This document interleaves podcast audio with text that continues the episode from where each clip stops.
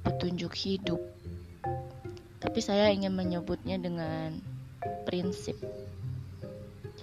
Prinsip atau pandangan hidup saya seperti ini.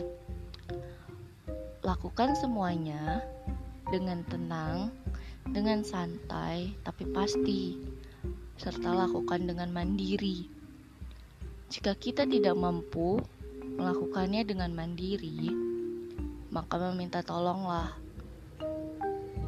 tetapi dengan cara yang sopan. Lalu, balas perlakuannya tadi itu dua kali lebih baik. Mungkin prinsip ini udah pasaran di setiap orang. Malah justru ini mungkin bukan prinsip, tapi emang kewajibannya begitu. Tapi untuk saya ini prinsip. Dan saya berhasil mengaplikasikan prinsip ini dalam kehidupan saya sehari-hari. Saya berusaha tidak merepotkan orang lain dan bergantung kepada orang lain.